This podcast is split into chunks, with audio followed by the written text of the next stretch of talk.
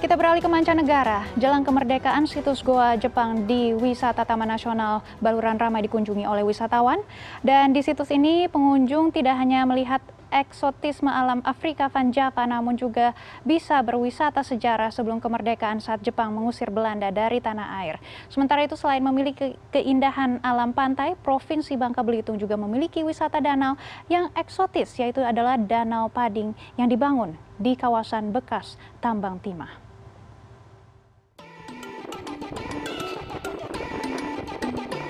Wisata Taman Nasional Baluran tak melulu hanya menawarkan pesona alam liarnya, namun, tepat di depan kantor utama terdapat situs sejarah Gua Jepang yang bisa menjadi destinasi wisata sejarah. Sejak awal Agustus lalu, situs sejarah ini ramai dikunjungi pelajar dan mahasiswa serta masyarakat umum. Dibangun sejak 1941, goa ini terlihat masih kokoh. Menurut petugas Taman Nasional, gua ini dahulu digunakan oleh Jepang untuk mengintai sekutu di sejumlah pantai pendaratan.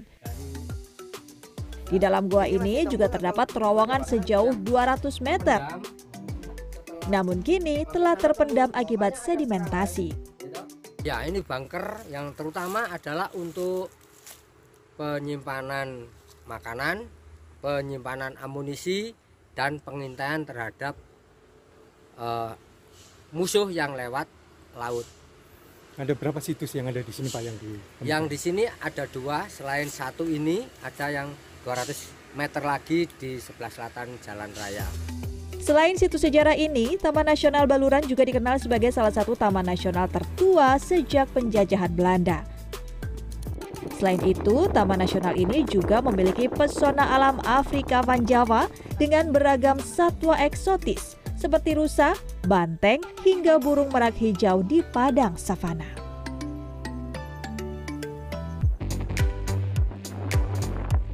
Tak hanya sajian keindahan alam pantainya, Provinsi Kepulauan Bangka Belitung juga memiliki wisata danau yang eksotis. Salah satu yang bisa dikunjungi yaitu Danau Pading di area wisata Bukit Pading Bangka Tengah. Objek wisata yang dibangun di kawasan bekas tambang timah ini berjarak 80 km dari pusat kota Pangkal Pinang. Atau bisa ditempuh selama 60 menit dengan berkendara dari pusat kota Pangkal Pinang berpuluh-puluh tahun mungkin uh, menjadi sumber penghidupan masyarakat di sini. Tapi setelah proses penambangan selesai atau pasca tambang, ternyata danau ini uh, bisa menjadi objek wisata.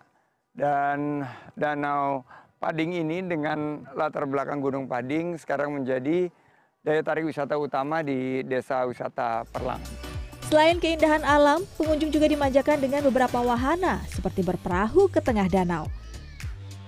Pengunjung dapat membayar secara sukarela untuk masuk ke lokasi wisata ini, sebab pengelola tidak mematok tarif khusus. Tim Liputan CNN Indonesia.